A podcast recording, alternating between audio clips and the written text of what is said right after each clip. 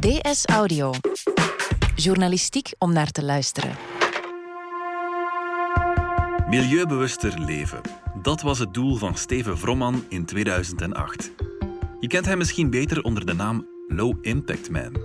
Een televisieprogramma, 1345 voorstellingen en 100.000 bezoekers later ging journaliste Sarah van Kerschaver hem onlangs opzoeken. Hoe kijkt hij nu naar de uitdagingen rond ons milieu en het klimaat? En hoe blikt hij zelf terug op 12 jaar actie voeren? Is er iets veranderd? Het is woensdag 4 maart. Mijn naam is Niels de Keukelare en van de redactie van De Standaard is dit DS Audio.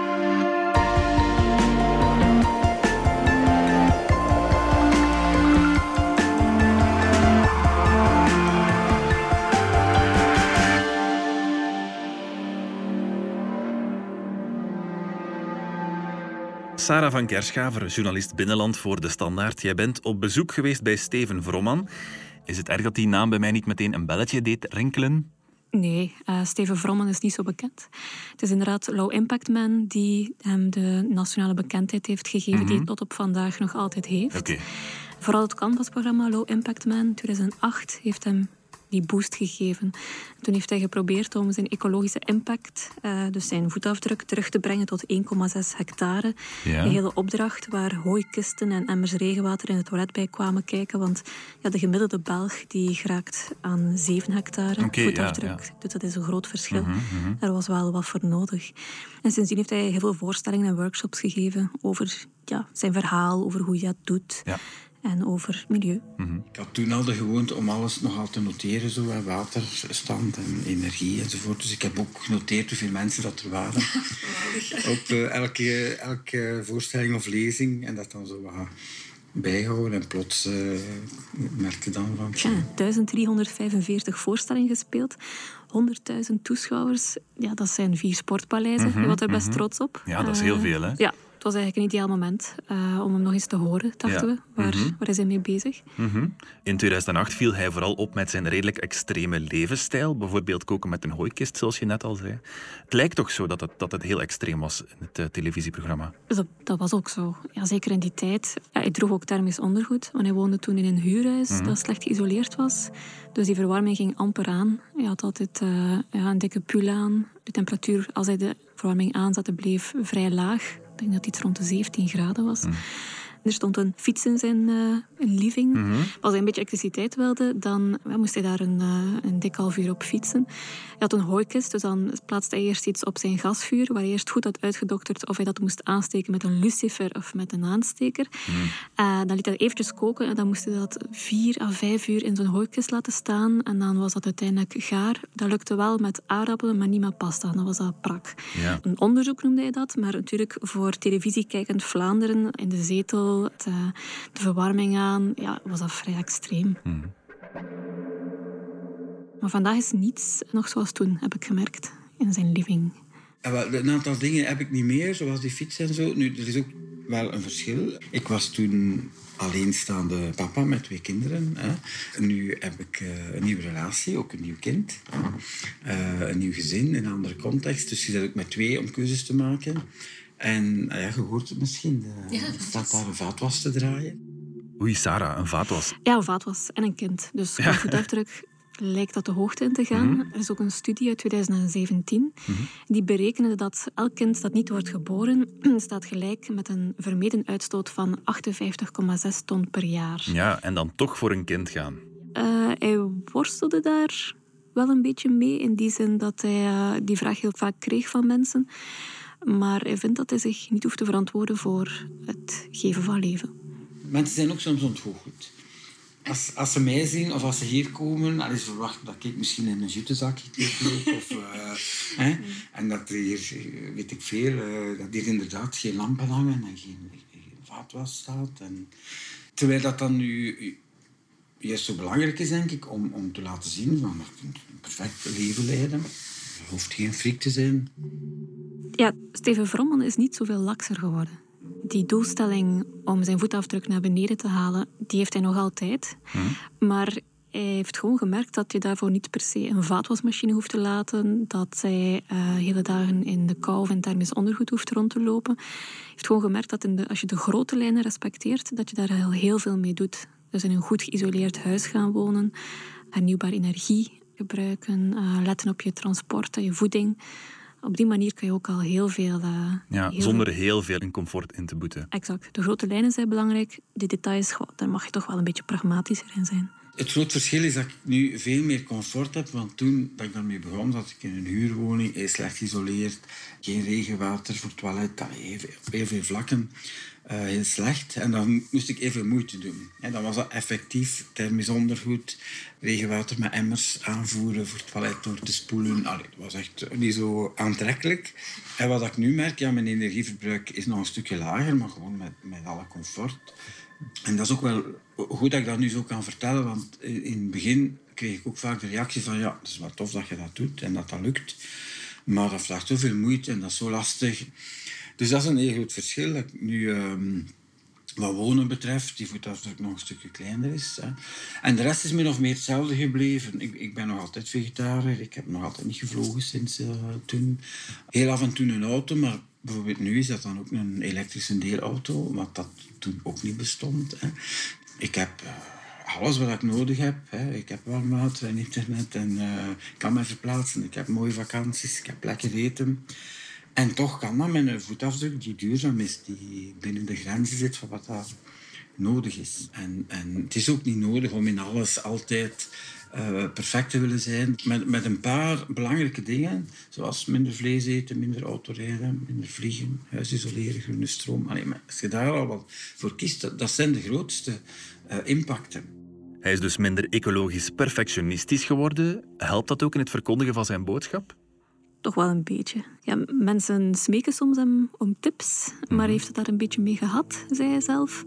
Al die tips en dit moet je wel doen en dit moet je niet doen en dat vingertje. En, ja. uh, Waarom net? Want je zou verwachten dat hij daar net heel goed in is, in die tips geven. Op zich wel, is er zeker goed in. Maar hij merkt dat als je een boodschap verspreidt waarbij je mensen duidelijk maakt dat ze zichzelf tekort zouden moeten doen, dat is dan hun vertaling, mhm. Of dat ze dingen moeten laten of zich helemaal anders moeten organiseren, ja, dat is zo'n inspanning dat dat gewoon heel vaak doel mist. Ja. En daarom heeft hij het over een andere boeg gegooid. Heeft een cursus stand-up comedian gevolgd. Hij heeft uh, ja, zich een beetje bekwaamd in storytelling. En zijn principe nu is, kijk, ik ga mijn verhaal vertellen van hoe ik het doe. Ik ga daar humor voor gebruiken. En ik ga een verhaal vertellen van dit is mogelijk, dit is hoe het kan, maar dit is niet, niet hoe het moet. Voilà. Inspireren en niet dicteren. Om te beginnen, daar komt dan meer volk op af. Ja, naar iets waar er humor in zit. Dat, ja. En doordat mensen lachen, staan ze ook weer open. Je kunt ook een spiegel voorhouden. Soms lachen ze een beetje met zichzelf ook. Je kunt ook heel agressief rond dat soort thema's iets brengen en mensen een schuldgevoel geven of zo echt dingen verwijten, maar, maar dan opnieuw creëer je de afstand. Hè de functie van humor is, als mensen lachen, dan komen er weer bepaalde uh, hormonen vrij. Hè? Waardoor ze ten eerste meer gefocust zijn. Dus je gaat je boodschap beter overbrengen. Maar dat er ook een stukje verbinding ontstaat tussen de groep. Statusverschillen worden kleiner in een groep. Als je in een bedrijf zit en de, de baas en de personeel allemaal samen, ze lachen samen, wordt dat die status wel opgegeven. En door te lachen kun je ook gemakkelijker leren, blijkbaar. Ja, dus dat zijn allemaal wetenschappelijke onderzoeken. Hè. En wat ik doe, en, en, en ook in die voorstelling, er zijn wel momenten dat, dat, dat ik wat dingen aanhaal. En we moeten wel onder ogen zien wat aan het gebeuren is. Dus even heftig kunnen zijn, maar ik plaats daar genoeg humor tegenover. Dat is ook wat ontlading. Uh, en mensen onthouden dingen ook vaak beter als het in de vorm van een grap gebracht is.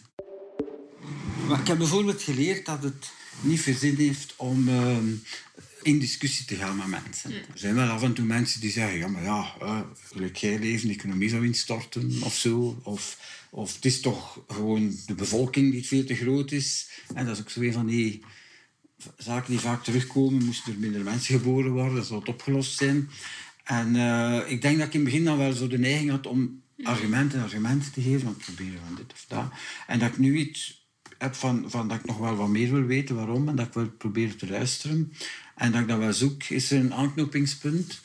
om eens te voelen wat, wat, wat zit erachter of uh, wat kan ik daaraan toevoegen. Maar het proberen overtuigen heb ik echt ook een beetje afgeleerd.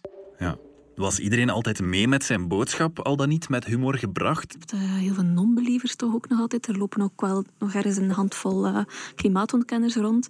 Maar hij heeft geleerd om die gesprekken niet per se uit de weg te gaan. Ook niet per se opnieuw tot in de diepte te voeren en dat, dat die discussie aan te gaan.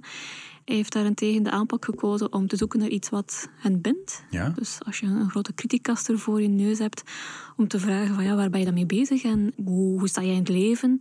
En hij zegt, ja, je komt altijd wel ergens op een punt uit waar je elkaar vindt. Of het nu gaat om een boom die is omgehakt, of omdat je je zorgen maakt over de toekomst van je kinderen. Dat is iets ja, waar je iets mee kunt. -hmm.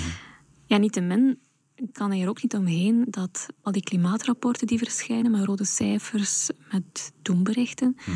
dat dat natuurlijk niet echt vrolijk stemt. Maar hij zegt toch dat, ondanks het feit dat het er niet per se op vooruit gaat, dat het hem toch wel lukt om die inspanning te blijven doen en om zijn verhaal te blijven vertellen. Mm -hmm.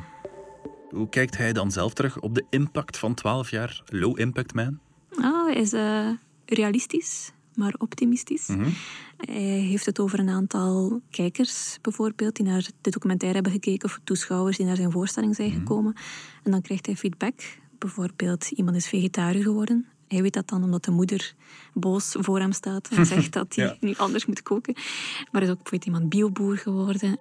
Zelf omschrijft hij dat heel mooi als rimpelingen. Nog niet zo lang geleden kwam ik iemand tegen die zei: Ja, ik, ben, ik heb tien jaar geleden een keer hè, uw verhaal gehoord en, en dat heeft bij mij van alles in gang gezet. Ik heb dan beslist om bioboer te worden. Dan denk ik: Oké, fijn. Maar ook hadden ook, ook eens een vrouw op straat die mij aansprak. En die was een beetje boos. Ze zei, ja, uh, mijn dochter heeft u bezig gehouden in school. En sindsdien wil ze het toilet niet meer doorspoelen. Ze vindt dat we moeten emmers met regenwater daar zetten. Nee, die was zo'n beetje... En dat geeft mij wel een hoopvol gevoel van er zijn wel rimpelingen en, en er gebeurt van alles. En zelfs al weet je niet wat effecten zijn, want er zijn nu maar een paar voorbeeldjes van wat je doet. Uh, omdat ook alles met alles is geconnecteerd. En, en als één iemand hè, beslist om wat minder vlees te eten, dan wordt dat een thema aan tafel en het gezin en bij het familiefeest. En ja, zo, zo lopen dingen. Ja, we kunnen hem geen eenzame activist noemen die twaalf jaar lang verbitterd tegen de wind staat te schreeuwen, denk ik. Nee, zeker als je vandaag kijkt uh, naar hoe we vandaag leven, wat er allemaal voorhanden is aan uh, biowinkels en steun. Ik denk als je die documentaire van Low Impact Man vandaag zou uitzenden, mm -hmm. dat hij niet meer zo raar zou overkomen. Dus hij ziet in die zin zeker een positieve verandering in de samenleving. Hij krijgt veel meer steun, zegt hij ook zelf ja, het is ook gewoon haalbaarder geworden vandaag om ja. allemaal een beetje low impact man of woman te zijn. Mm -hmm. Er is zeker wel een verandering, ook omdat een aantal dingen toch wel wat meer normaler geworden zijn. Vegetarisch eten, dat is niet meer zo ongewoon. Tweedehands, ja, dat is toch ook een groei, dat, dat blijft ook groeien. Delen en zo van, van auto's begint ook hier en daar wat te groeien. Als je uh, verpakkingsvrij wilt winkelen, ja, nu gaat dat. Uh, toen bestond dat niet. Dus, dus dat is wel mooi om te zien dat wie wil die keuzes maken, dat dat toch een heel stuk gemakkelijker is. Die drempel is lager, zowel voor uw groene energie. Binnenkort gaan we ook zelfs een bank hebben die helemaal uh, oké is. Er bestaat een Fairphone, dus, dus dat is wel mooi om te zien. Er zijn toch veel ondernemers, soms ook kleine bedrijven die daarop ingespeeld hebben en die nu toch merken van oké, okay, dat kan. Soms zijn dat bedrijfjes die iets doen rond, rond uh, herbruikbare luiers of rond, weet ik veel, uh, voedseloverschotten, uh, fietscouriers, deelsystemen. Dus er is echt wel een boom en, en dat is exponentieel ook aan het stijgen. Hè. Dus dat zijn mensen die zeggen, kijk, we kunnen de wereld niet veranderen, maar we kunnen misschien aan dat probleem iets doen. Heeft in twaalf jaar tijd ook een verandering in zijn publiek gezien. en dat maakt hem toch hoopvol over dat draagvlak. Ja de eerste vragen die kwamen van inderdaad Natuurpunt en uh, milieuverenigingen. Maar nu is dat wel veel ruimer geworden. Dus er zijn zowel uh, gemeentes die mij uitnodigen, maar toch ook wel bedrijven. En dat is ook boeiend, want dat, dat, gaat soms echt ook over grote bedrijven. En soms vragen ze dat ook, hè, vandaag dus maar een beetje uit, of haal ons eens uit de comfortzone. En dat zijn vaak wel nog interessante gesprekken ook achteraf. Want ik heb ook het gevoel, ook bij ehm, bedrijfsleiders en CEO's, dat dat besef er is zo, dat men weet wat er aan het gebeuren is. En dat daar bijvoorbeeld ook ja, toch wat meer aandacht soms is voor, voor aspecten die te maken hebben met zorg of met liefde of zo. Hè. Er zijn ook wel bedrijfsleiders die soms ehm, dat woord durven laten vallen. Eh, en dan heb je ook alles van verenigingen, van de Tot KVLV. Daar heb ik ook eens een periode heel veel zelfs KVLV gedaan. Uh, wat dat ook wel tof is, soms is het ook in een huiskamer. Ook eens bij een trouwfeest van twee jonge mensen die trouwden. En ze vroegen mij, wilde jij doen op ons trouwfeest? Ja.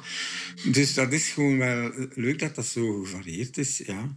En, en toch wel breed is. Zelfs uh, ook bij VLD-vrouwen ben ik eens geweest. En, uh, Klooster Ortes een paar keer. Nee, dat is echt van alles. Oké, Sarah, hoe ziet hij de toekomst? Mm Heb ik hem ook gevraagd en hij is allesbehalve cynisch. Oké. Ja, ik, ik, ik denk dat we nog altijd toekomst hebben als, als uh, mensen of als mensheid. Ik, ik ben niet zo optimistisch in de zin van dat het allemaal vanzelf goed gaat komen. De grenzen zijn te ver overschreden, dus ik, ik ga ervan uit dat we wel een rekening zullen krijgen de volgende decennia. Maar de manier waarop we daarmee omgaan, daar kiezen we nog altijd voor. En daar kunnen we nog altijd kiezen om dat te zien als een moment van oké, okay, laten we nu eens uh, een aantal dingen schrappen die overbodig zijn, eens nadenken wat echt belangrijk is. Uh, we gaan samenwerken en ik, en ik geloof wel in de, in de kracht van als mensen zich ja, verenigen of gaan samenwerken, dan is er ook veel mogelijk. Hè. Er zijn wel een paar voorbeelden in de geschiedenis dat hele landen zich mobiliseren en op korte tijd onvoorstelbare dingen doen, omdat er een bepaalde dreiging is. Uh, vaak wordt dan de Tweede Wereldoorlog als voorbeeld gegeven. Dan is, is bijvoorbeeld Engeland in een jaar tijd bijna zelfvoorzienend geworden wat voedsel betreft. Wat dat hè, bijna ondenkbaar zou zijn als je op voorhand zegt. Maar, mm. Maar dat, is, dat is de grote vraag, denk ik. Als we te maken krijgen met schokken, hoe gaan we daarop reageren? Hm?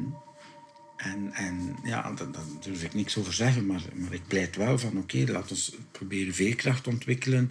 Uh, laten we beseffen dat we veel meer bereiken als we gaan samenwerken. Want als, als we in een context komen van elk voor zich, dan kan het heel grimmig worden, kan het bijna dystopisch worden, zoals er nogal wat um, films en boeken uh, in die richting zijn. Hè.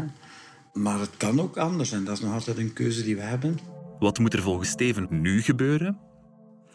Wel, hij is er steeds meer van overtuigd dat we op een andere manier naar het klimaatprobleem moeten kijken. We hebben inderdaad de neiging om heel veel te focussen op de rode cijfers mhm. en op de doemberichten. En die, ja, die zijn er ook gewoon, dat zijn feiten en die moeten we niet, zeker niet onder de mat gaan schuiven. Maar hij zet zelf veel meer in op active hope, mhm. noemt hij dat. Verbinding, uh, liefde zelfs. Dan krijgt hij soms wel eens een, uh, een scheve blik of een uh, opgetrokken wenkbrauw als antwoord omdat natuurlijk ga je met liefde misschien de wereld niet redden, maar het is wel een, een manier om bij mensen tot van binnen te geraken. Mhm. En dus om een gevoel op te wekken. En hij gelooft, samen met nog veel andere denkers, dat als je het voelt, dat je het ook wil doen. Ja. Wat ik vooral eh, denk dat we moeten terug het gevoel hebben van die, die planeet, dat ecosysteem, dat is iets waar wij een deel van zijn. Dat wij mee zorg moeten voordragen en dat dan andere dingen daar een beetje uit volgen. Hm? Ik, ik, denk technologie zal ons een stukje helpen, mm. maar we mogen er niet van uitgaan dat technologie het allemaal gaat oplossen. Want elke nieuwe technologie heeft dan vaak ook weer een aantal neveneffecten. Politiek zou in principe kunnen een aantal dingen aanpakken. Dus politiek hè, uh, zal een rol spelen, technologie zal, gedrag zal een rol spelen, maar uiteindelijk denk ik gaat er toch een soort bewustzijnsshift uh, nodig zijn waardoor dat we anders gaan kijken. En, het gaat uiteindelijk over de, de relatie met, uh, ja, met die planeet waarop dat wij leven. Hoe kijkt hij naar de Greta Thunbergs en zo van deze wereld? Ja, met veel bewondering sowieso. Uh, ik vind het knap dat mhm. die vandaag opstaan en zoveel teweeg brengen. Maar hij betreurt wel absolute polemiek die er rond ontstaan is. Omdat dat ja, leidt tot kampen en, en niet tot die verbinding waar hij voor pleit. En die extreme kampen was iets dat hij minder had als low impact man destijds? Mm, toen heeft hij zeker ook kritiek gemerkt hoor, ja absoluut.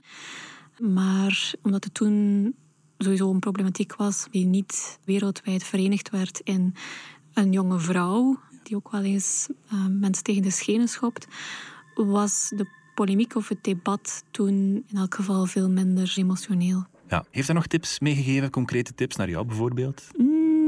Ja, maar op een niet dwingende manier. Uh, ik vond dat bijvoorbeeld toen hij vertelde over zijn kinderen en wat hij hadden meegenomen, zonder dat hij daar echt met de vinger had staan zwaaien. Zijn dochter bijvoorbeeld let heel goed op hoe ze reist. Als ze reist, is dat niet met het vliegtuig. Mhm. Ze zijn vegetariër geworden. Niet dat dat moet voor hem, maar hij steunt zeker het idee dat je goed oplet wat je koopt, bio, lokaal. Okay. En dat het ook wel echt begint met maar ook dat je heel veel impact kunt hebben door in een goed geïsoleerd huis te leven, mm -hmm. met hernieuwbare energie. Maar je beseft ook dat dat niet voor iedereen even haalbaar is. Maar als dat mhm. een streefdoel is en we daar met bijvoorbeeld 90% van de bevolking geraken, dat dat een heel groot impact kan hebben. Oké, bedankt Sarah van Kerschaver. Graag gedaan. Dit was DS Audio. Wil je reageren? Dat kan via dsaudio.standaard.be. In deze aflevering hoorde je Sarah van Kerschaver, Steven Vromman en mezelf Niels de Keukelare. De redactie gebeurde door Nele Eekhout en Sophie Albrecht. De eindredactie door Annelies van der Oost. Pieter Schrevens deed de audioproductie, Brecht Plasgaard schreef de muziek die je hoorde in deze podcast. Chef audio is Wouter van Driessen. Vond je deze podcast interessant? Weet dan dat je er elke werkdag één kunt beluisteren. Dat kan via de DS Nieuws app of via standaard.be-audio. Je kunt je ook abonneren via Apple Podcast, Spotify of de podcast-app van je keuze. En als je daar dan toch bent, schrijf gerust een review. Zo toon je ook anderen de weg. En we vertellen met de standaard natuurlijk niet enkel in onze podcasts over wat er in de wereld gebeurt. We doen dat ook in de krant en online. Benieuwd naar een abonnement? Ga dan zeker eens kijken op standaard.be-voordelig. Daar ontdek je ons aanbod en onze promoties. Morgen zijn we er opnieuw.